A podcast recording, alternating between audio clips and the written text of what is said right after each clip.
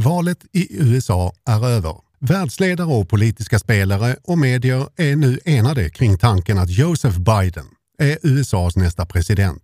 Därmed kan vi släppa den biten, men valet i sig kan vi inte släppa helt. Vad betyder Trumps bombardemang kring valfusk egentligen framöver?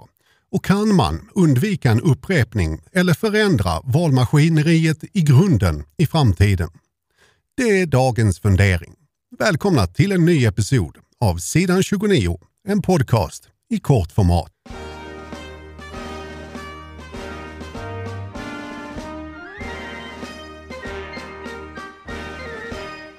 Mycket om valet i USA kommer att handla om efterspelet. Landet är nu än mer dividerat efter att Trump hejar på sina anhängare kring att valet är riggat. Stop the steal har blivit slagorden som regnar på gator och på sociala medier där anhängarna vädrar sin ilska över valresultatet. Och vad man måste förstå är att en hel del Trump-anhängare tror på riktigt att Biden är fan själv i kostym. Man tror uppriktigt på att landet nu kommer att rasa samman och att världen faktiskt kommer att gå under. Så illa är det i landet som många fortfarande hävdar är drömlandet. Självklart är USA som land fantastiskt för oss. För det är en guldgruva som bara väntar på att tömmas om du har en god affärsidé. Ingen annanstans kan man ta så hutlöst betalt som i USA. Men för Public Joe, som saknar utbildning och som inte bor i en stad längs kusterna, så är läget helt annorlunda. Här är omvärldskunskapen låg och möjligheterna att ta sig därifrån de är begränsade. Det är ju faktiskt inte så enkelt som att bara packa ihop allt och flytta om du kommit en bit på livets bana. Så hur ska man då egentligen undvika det här debaclet i fortsättningen? Ja, den frågan är verkligen inte lätt att svara på. För det första så måste Trump-eran försvinna ur folks närminne. För det andra så måste några starka figurer komma till som faktiskt kan återupprätta någon form av förtroende för politiken och valapparaten i USA. Med andra ord, en minst sagt svårnavigerad uppgift. En sak som vi utomstående ser som naturligt och som säkert skulle underlätta, ja det är ju faktiskt att man lät popular vote styra utgången i presidentvalet. Senatorer och representanter är lite mer naturligt att de väljs statsvis eftersom det är mer lokala angelägenheter. Medan presidentvalet ju faktiskt påverkar alla. Det finns redan en rörelse som förespråkar det här och delstaten Colorado röstade i år för att man skulle ansluta sig till de som förespråkar att popular vote är det som ska gälla i framtiden. Förvisso är det inte ofta det skiljer sig mellan det faktiska resultatet och vem som får flest röster totalt. Det har bara hänt fem gånger och senast 2016. Men man kan ta sig en funderare på att Trump är two for two på att ha minst röster av två kandidater i ett presidentval i USA. Han hade 2016 2,8 miljoner mindre röster än Clinton och i årets val är det betydligt större avstånd upp till Biden.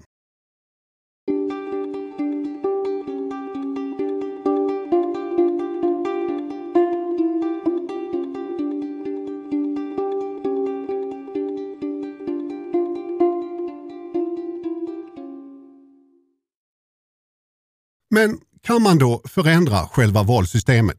I USA har det varit mycket rabalder kring bland annat poströsterna. Detta trots att det finns statistik på att endast 0,0025 procent av rösterna har visat sig vara ogiltiga genom tiderna. Alltså en mängd som i princip aldrig skulle kunna påverka det slutgiltiga resultatet. Det grundläggande problemet är naturligtvis att man saknar folkbokföring på samma sätt som vi har i Sverige. Det gör att hela processen för att avlägga en röst innehåller massor av steg. Från att registrera sig för att få en röstsedel till att faktiskt avlägga sin röst. Lägg ovanpå det att det inte finns någon enhetlig styrning över hur förfarandet ska skötas, utan man har låtit detta samköras med de lokala valen som ska sköta allt annat också. I nämnda Colorado hade man i år 14 punkter att ta ställning till på menyn för omröstningar. Med andra ord så har röstkontoren en hel del att styra upp. Men borde inte detta vara ganska lätt att bygga bort? Det är ju trots allt 2020 och inte 1960. Vi har ganska mycket teknik nu som skulle kunna hjälpa till i framtiden. Man skulle ju ganska lätt kunna göra röstningen framförallt tillgänglig för alla. Scott Adams, tecknaren som ligger bakom satirserien Dilbert, lyfter en väldigt intressant idé på Twitter. Ponera att man skapar en app som möjliggör röstning via smartphone.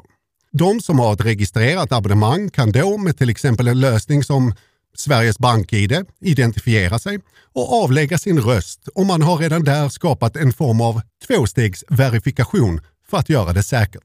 Rösten skickas sedan vidare och processas av tre olika företag som är anonyma för varandra och de kan i sin tur väljas från en grupp av lite fler företag, säg fem eller tio. Slutresultatet jämförs sedan och först då får respektive företag veta vem som processat vilken grupp och så vidare.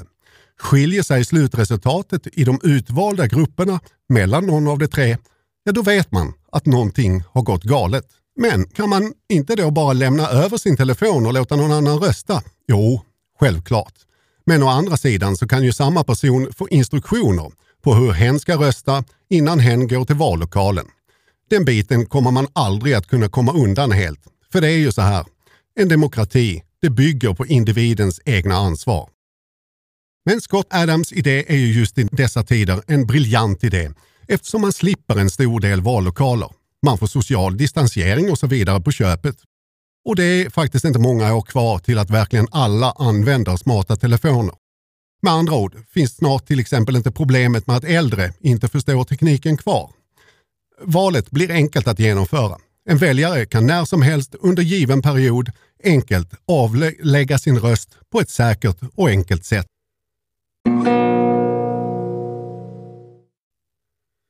Men vad händer då om en sån app skulle fungera i förlängningen? Om det skulle visa sig vara en säker lösning som garanterar rättvisa resultat och framförallt valsäkerhet.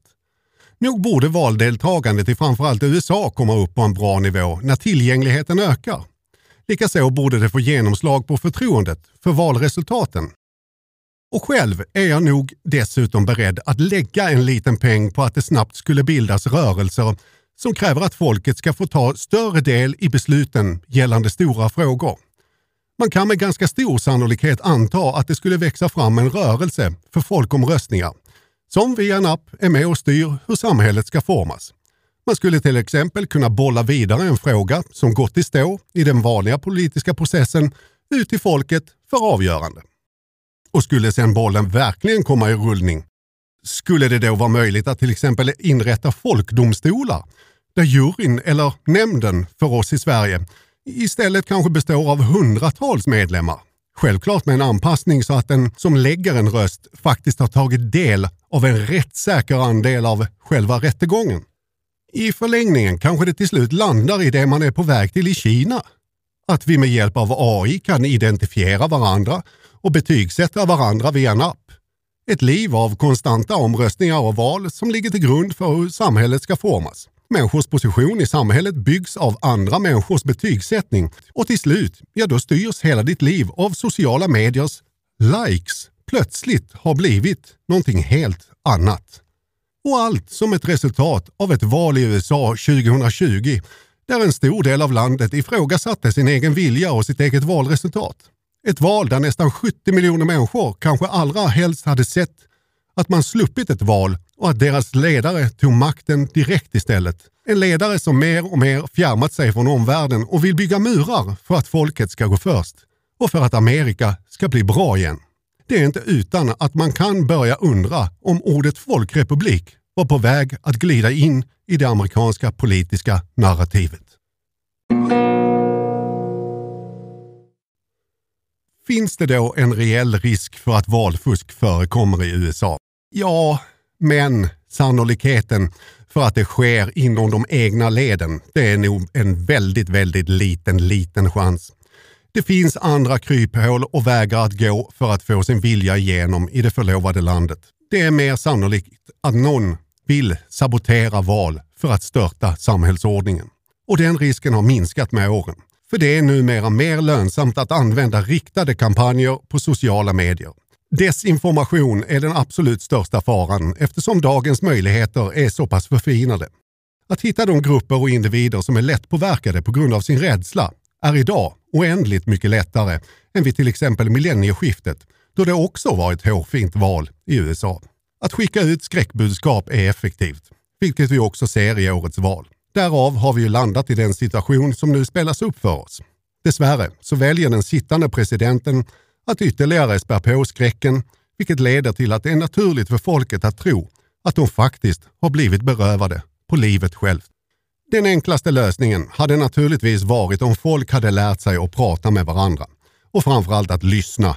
Man kommer inte att vara helt överens, men man kanske kommer att förstå lite mer om vad den ene eller andra har för utgångspunkt. Och då är det också lättare att kanske acceptera till exempel ett valresultat. Kunskap är det som löser alla rädslor. Du är rädd för saker du inte lärt dig, som till exempel att cykla, klättra, datorer eller att flyga. Men den rädslan övergår i sund respekt när du lärt dig att bemästra den faran. Och då förstår du plötsligt hur saker och ting hänger ihop. Och du kan kanske genomskåda när du blir utnyttjad till exempel på sociala medier av en påverkanskampanj. Men rädslan blir du aldrig av med om du svarar med aggression. Och en ledare som leder med skräck kommer aldrig att lyckas lika bra som den som leder med försoning. Du har lyssnat på sidan 29. En podcast i kort format. Tills nästa gång, håll avståndet. Radonpodden, en podd i brutalformat med två män parkerade mitt i livet på varsitt håll i Svea rike. En sittandes i Skåne och en vid Vätterns våta vatten. Två ostädade tankeskafferier till bredden fyllda av funderingar om klavertramp, rysk truppgymnastik, surströmming och allt annat som kan göra livet mer outhärdligt. Kom och slösa bort en stund med oss och vi lovar, det är en stund du aldrig får tillbaka. Länk till oss på Twitter, att Radionpodden eller ännu hellre. Tryck på prenumerera i din favoritapp för poddar så missar du aldrig ett avsnitt av rikets mest strålande podd, Radionpodden. Vi är tillbaka när vi är tillbaka. Hej! Oh, thank you.